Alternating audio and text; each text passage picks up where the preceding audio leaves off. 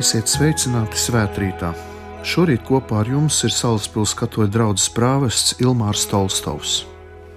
Iesākot šī rīta pārdomas, uzklausīsim svēto rakstu vārdus, un šoreiz mums ir fragments no Jāņa evaņģēlīja 20. nodaļas, no 19. līdz 31. pantam.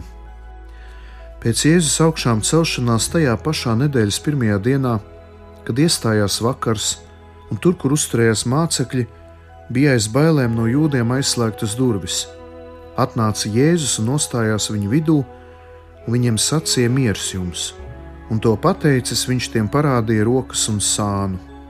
Tad mācekļi redzot kungu kļuva priecīgi, bet viņš atkal tiem sacīja miers jums. Kā tēvs mani sūtīja, tā es jūs sūtu. To pateicis viņš dvesa viņiem un sacīja: Saņemiet svēto garu! Kam jūs grēkus piedosiet, tam tie būs piedoti, kam aizturēsiet, tiem tie būs aizturēti. Bet Toms, viens no divpadsmit, kas tiek saukts par didimu, nebija kopā ar viņiem, kad atnāca Jēzus. Tāpēc citi mācekļi viņam sacīja: Mēs redzējām kungu, bet viņš tiem atbildēja: Ja es neredzēšu naglu zīmes uz viņu rokām un nelikšu savu pirkstu naglu vietās, un savu roku neielikšu viņa sānā, es neticēšu. Bet pēc astoņām dienām viņa mācekļi atkal bija tur, un arī Toms kopā ar viņiem. Jēzus iegāja cauri aizslēgtām durvīm un nostājies vidū sacīja: Miers jums! Pēc tam viņš teica Tomam: Liec savu pirkstu šeit un apskati manas rokas. Sniedz savu roku un ieliec manā sānā, un neesi neticīgs, bet ticīgs. Toms atbildēja viņam sacīja: Mans kungs un mans dievs. Jēzus viņam teica: Tu ieticēji tādēļ, ka man redzēji. Svētīgi tie, kas neredzēja, bet ticēja. Vēl daudzus citus brīnumus, kas nav aprakstīti šajā grāmatā, Jēzus izdarīja savu mācekļu priekšā. Bet šie ir aprakstīti, lai jūs ticētu, ka Jēzus ir Kristus, Dieva dēls, un ticēdam iemantotu dzīvību viņa vārdā. Tie ir svēto rakstu vārdi.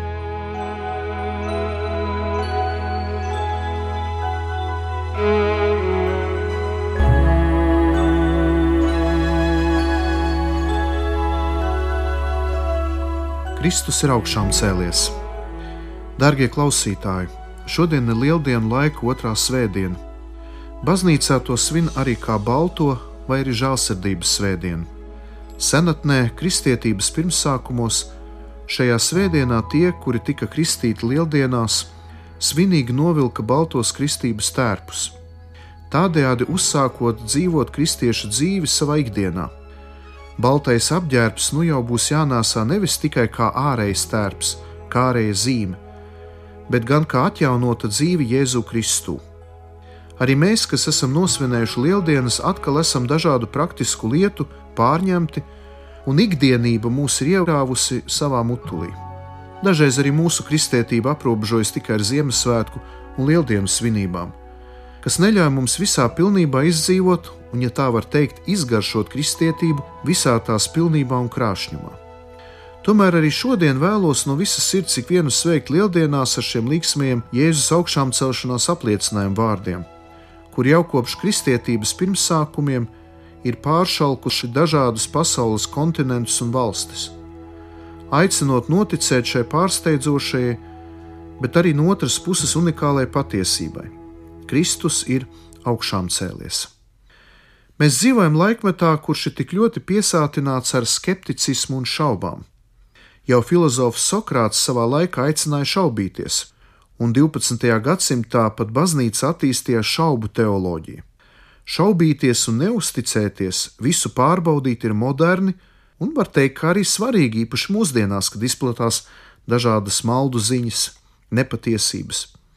Un jautājums, ko šodien varam uzdot, vai patiešām Jēzus augšām celšanās labā vēsts, ko baznīca tik nenogurstoši sludina jau vairāk kā 2000 gadus, ir autentiska un patiesa. Šodienas evanģēlijā arī atklājas šī neusticēšanās un pārlieku lielās bailes no informācijas, ko mācekļi saņēma no sievietēm un dažiem mācekļiem, kas bija konstatējuši tukšo kapu, bez Jēzus mirušajām miesām tajā. Domāju, ka arī katrā no mums vairāk vai mazāk valda zināma veida nemieris vai šaubas. Kā baznīca var zināt, ka tas, kas ir aprakstīts evaņģēlī, ir patiess? Vai šī svarīgā patiesība tomēr nav tikai un vienīgi tāds kā mīts, kuru baznīca, ja tā var teikt, tiražē katru gadu atkal no jauna? Aplūkosim šo jautājumu dziļāk.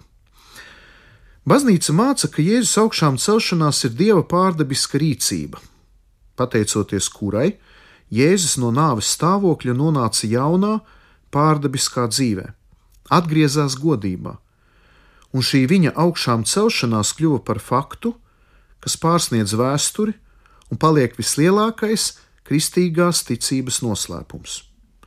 Apostulis Pāvils pirmajā vēstulē korintiešiem 15. nodaļā, 14. pantā saka: Ja Kristus nav augšām cēlies, tad veltīgi ir mūsu sludināšana, un arī veltīga ir jūsu ticība.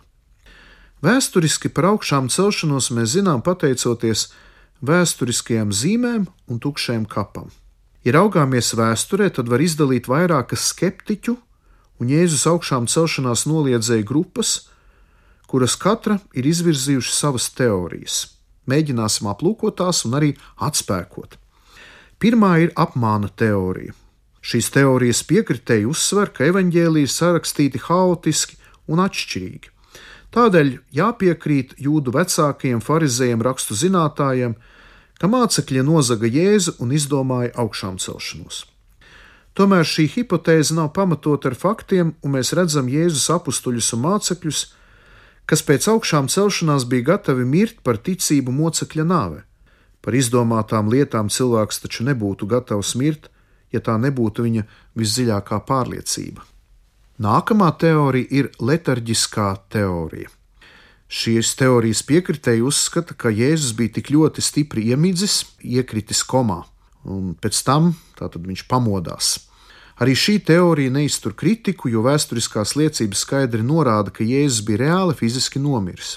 Bija ļoti daudz Jēzus fiziskās nāves liecinieki, un nomocītais Jēzus, pat ja būtu pamodies, nevarētu mācekļos radīt tik milzīgu garīgu prieku un sprādzienu veidīgu kristietības izplatīšanos. Nākamā teorija ir subjektīvās vīzijas teorija. Šīs teorijas piekritēji saka, ka lieldienu augšām celšanās nostāsti ir mācekļu subjektīvās vīzijas rezultāts. Marija Magdalēna, nespējot pārdzīvot Jēzus nāvi, rada šos fantastiskos nostāstus, un tie tālāk materializējas dzīvēm Apustuļu Pāvila histērija un apustuļu Pētera vainas apziņa psihosomātiskā veidā liek Jēzum rādīties halucināciju veidā. Šīs teorijas pārstāvi daudzi psihologi, dažādi cilvēki, kas saistīti ar psiholoģijas zinātni. Tomēr atbildot arī uz šo argumentu, var teikt, ka var redzēt, ka mācekļi nemaz tik vienkārši un uzreiz nepieņem Jēzus parādīšanos. Mēs redzam nevis emocionāli pārņemtus, un psihiski nelīdzsvarotus mācekļus, bet gan parastus, normālus un nobriedušus cilvēkus, kuri samērā skeptiski un pat noraidoši pret šo jauno Jēzus stāvokli. Mācekļi lielākā daļa bija zvejnieki, ļoti praktiski un vienkārši cilvēki, kas baidījās uzreiz noticēt kaut kam nesaprotamam un neskaidram. Un pēdējā teorija ir evolūcionistiski mitoloģiskā teorija, kas uzsver, ka Jēzus augšām celšanās ir seno pagānu dievību un seno mītu personifikācija. Savu veidu dabas spēku personifikācija satiekas un apvienojas idejā par Jēzus augšām celšanos. Arī šai teorijai nav īsti pamata, jo, ja Kristus vēsts būtu bijusi tikai mitoloģija, tad tā jau sen būtu vai nu aizmirsta, vai labākajā gadījumā būtu tikai šauras cilvēku grupas interešu objekts. Jēzus nav mitoloģiska persona, bet gan vēsturiski reāli eksistējošs cilvēks. Tik tālu par tiem, kas noliedz Jēzus augšām celšanos. Šīs ir tikai dažas teorijas, kas apšauba Jēzus augšām celšanos. Bet kā tad pamatot to, ka Jēzus ir augšām cēlies? Tukšais kaps vien nevar būt pietiekams pierādījums tam, ka Jēzus patiešām ir dzīves un ir augšām cēlies. Uzreiz jāsaka, ka augšām celšanās faktam nav neviena liecinieka. Ir informācija, ka kapam tika aizvelts priekšā liels akmens, un pēc tam fakts, ka akmens ir atvelts un tiek konstatēts, ka kaps ir tukšs. Šodienas evanģēlijā mēs redzam, ka Jēzus, kurš pēc augšām celšanās ir atnācis pie saviem mācekļiem, aicina pieskarties viņa ķermenim un pārliecināties, ka viņš nav rēks, halucinācija vai tikai neskaidra vīzija. Aizvien vairāk mūsdienās sāk plaši izplatīties tādi kā gnostiski strāvojumi, kas sadala Jēzu no baznīcas, tādā veidā piedāvājot jaunu, šķietami interesantu un pat aizraujoša gnosticisma un ezotērisma apvienotu rosolu, kurā vairs nav klātesošs tas Jēzus, kurš augšām cēlās un aicina pieskarties viņa miesai. Apostolis Jānis raksta, kas no sākuma bija, ko esam dzirdējuši, ko savām acīm esam redzējuši, ko esam skatījuši un mūsu rokas ir aptaustījušas, dzīvības vārdu. Dzīvība ir parādījusies, mēs esam redzējuši un apliecinām un pasludinām jums mūžīgo dzīvību, kas bija pie tēva un mums ir parādījusies, ko esam redzējuši un dzirdējuši. To pasludinām ar jums, lai arī jums būtu sadraudzība ar mums. Un mūsu sadraudzība ir ar tēvu un viņa dēlu Jēzu Kristu. 1. Jāņa vēstule, 1. nodaļa, no 1 līdz 3 pantam. Jēzum nebija nodoms dibināt tikai kādu garīgu, abstraktu un no realitātes atrautu kopienu, kur ātri vien pēc viņa uzkāpšanas debesīs sašķīstu dažādās mazās un savstarpēji atšķirīgās grupās. Jēzus vēlme bija pēc augšām celšanās norādīt, ka viņa kā augšām celtā kunga miesa ir baznīca, kura turpina Jēzus darbu pasaulē un autentiski liecina par augšām celtā Jēzus klātbūtni. Tātad par Jēzus augšām celšanos liecina milzīgais liecinieku pulks, gan laikā uzreiz pēc tukšā kapa konstatācijas, gan arī līdz pat mūsdienām. Katoliskajā baznīcā svētās misas dievkalpojuma laikā pēc Jēzus Kristus miesas un asins pacelšanas garīdznieks saka: Lūk, ticības noslēpums, un visa draudzes asamblē atbild: Mēs vēstīsim par tavu nāvi, kungs, un liecināsim par tavu augšām celšanos, līdz pat tavai atnākšanai. Apostols Pāvils argumentēdams savu ticību Jēzum saka: Jo es jums vispirms esmu mācījis, ko es pats saņēmu ka Kristus ir miris par mūsu grēkiem pēc rakstiem, un ka viņš ir aprakts un trešajā dienā augšām cēlies pēc rakstiem, un ka viņš ir parādījies Kēfam, pēc tam tiem 12, pēc tam viņš ir parādījies vairāk kā 500 brāļiem vienā reizē, no kuriem daudz ir vēl dzīvi, bet citi jau miruši. Pēc tam viņš ir parādījies Jēkabam, tad visiem apstuļiem, kā pašam pēdējiem viņš parādījās arī man, kā kādam nelaikā dzimušam apstula Pāvila 1. vēstule korintiešiem 15. nodaļa, no 2. līdz 8. pantam. Lūk, lielais liecinieku pulks, kas cauri gadsimtiem turpina liecināt, ka Jēzus ir dzīvs un ir klātesošs katra mūsu dzīvē. Tie ir milzīgie svēto un mocekļu pulki, kas nenogurstoši, pat atdodami savas dzīvības, ir liecinājuši par Jēzus augšām celšanās uzvaru katra dzīvēm. Viņi liecina, ka mūsu Dievs nav miris Dievs, bet gan dzīves un augšām cēlies, un ir klātesošs katra mūsu dzīvē, un vēlas dzīves un personiskas attiecības ar katru no mums. Tā ir vislielākā Dieva žēlsirdība, ka Dievs nav mūs atstājis vienus. Vārds žēlsirdība Bībelē ir lietots 40 reizes. No latīņu valodas misericordija tas nozīmē rūpes par kaut ko, cenšanos un gatavību nākt palīgā, piedot.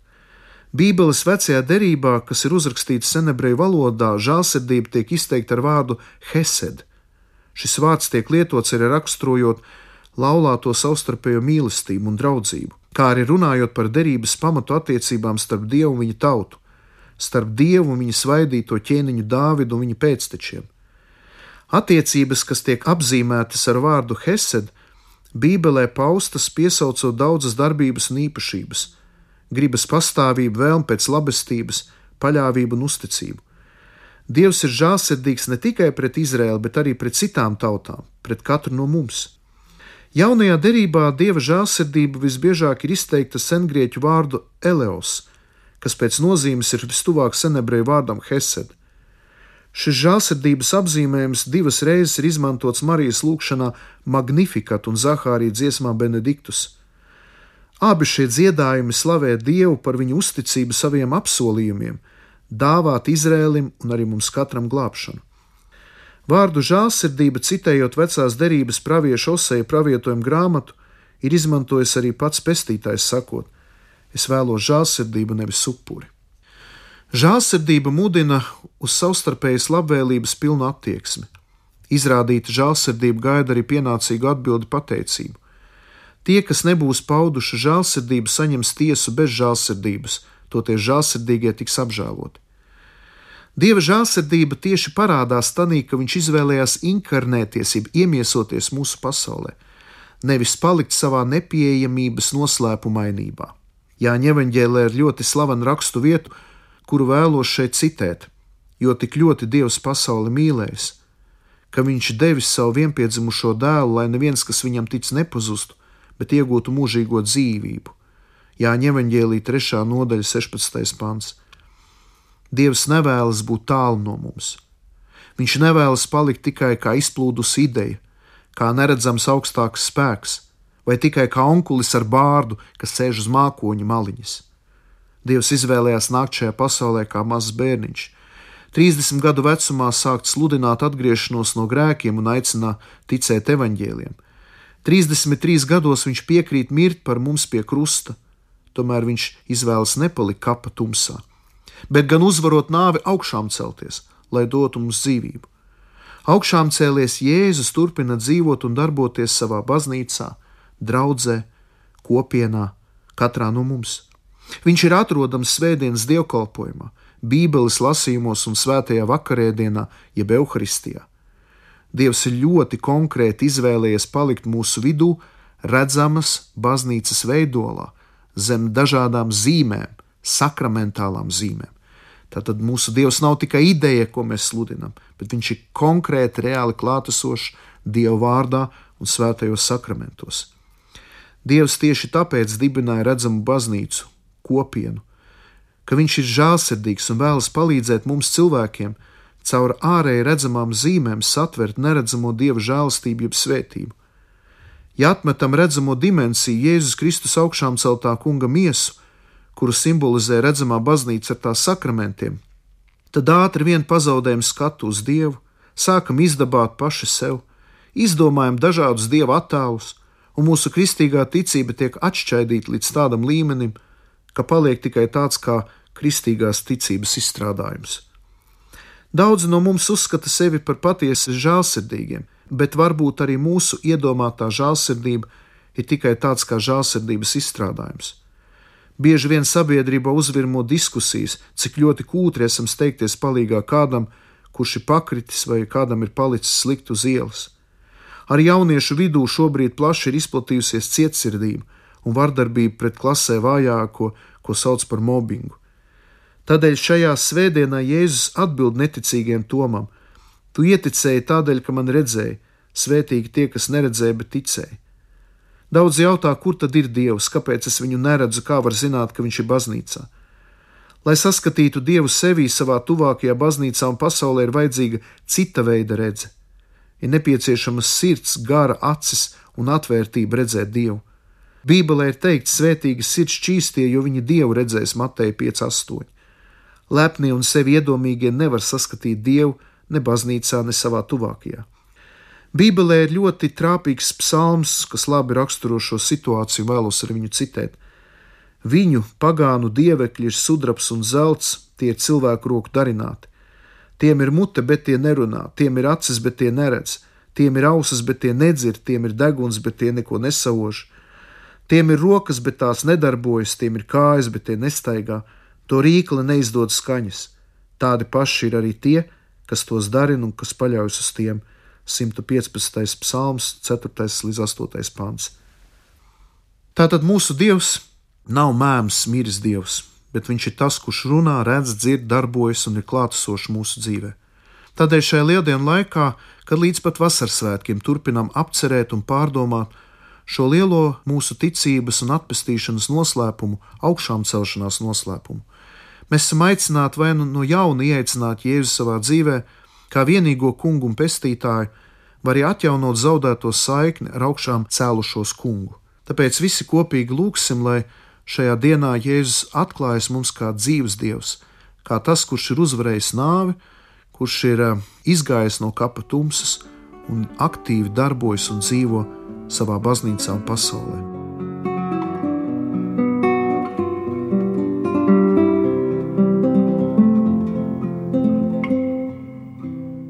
Kungs, Jēzu, paldies Tev par šo otro svētdienu pēc lieldienām. Paldies Tev par visiem jaunkristītiem, kas lieldienās saņēma svēto kristības sakramentu. Paldies Tev par Tavu žēlsirdību, ka Tu neatstāji mūs vienus, bet esi klātesošs, ka Tu esi dzīves un ļoti personisks mūsu dzīvē. Lūdzu Tev šajā svētdienā, lai Tu piepildi mūsu sirdis ar savu žēlastību, palīdzi mums atteikties no visa ļaunā, arī no visiem mūsu maldīgiem priekšstatiem par Tevi un ienāc mūsu dzīvē kā augšām cēlies kungs, kā vienīgais kungs un vienīgais pestītājs. Un svētī mūs katru šajā rītā, svētī arī mūsu nākamo nedēļu, lai mēs varam tevi sastapt un ar tevi runāt katrā savas dzīves brīdī, gan no rīta, gan vakarā, gan pa dienu. Esi dzīves un darbīgs katra mūsu dzīvē. Un eh, lūksim arī to lūgšanu, kuru tu, Jēzu, mums esi mācījis. Mūsu Tēvs debesīs, svētīts lai top tavs vārds lai nāk tava valstība, tavs prāts, lai notiek kā debesīs, tā arī virs zemes. Mūsu dienascho maizi dod mums šodien, un piedod mums mūsu parādus, kā arī mēs piedodam saviem parādniekiem, un neieved mūsu kārdināšanā, bet atpestī mūs no ļauna, jo tev pieder valstība, spēks un gods mūžīgi mūžos. Āmen! Dieva tēva un dēla un svētā gara vārdā. Amen.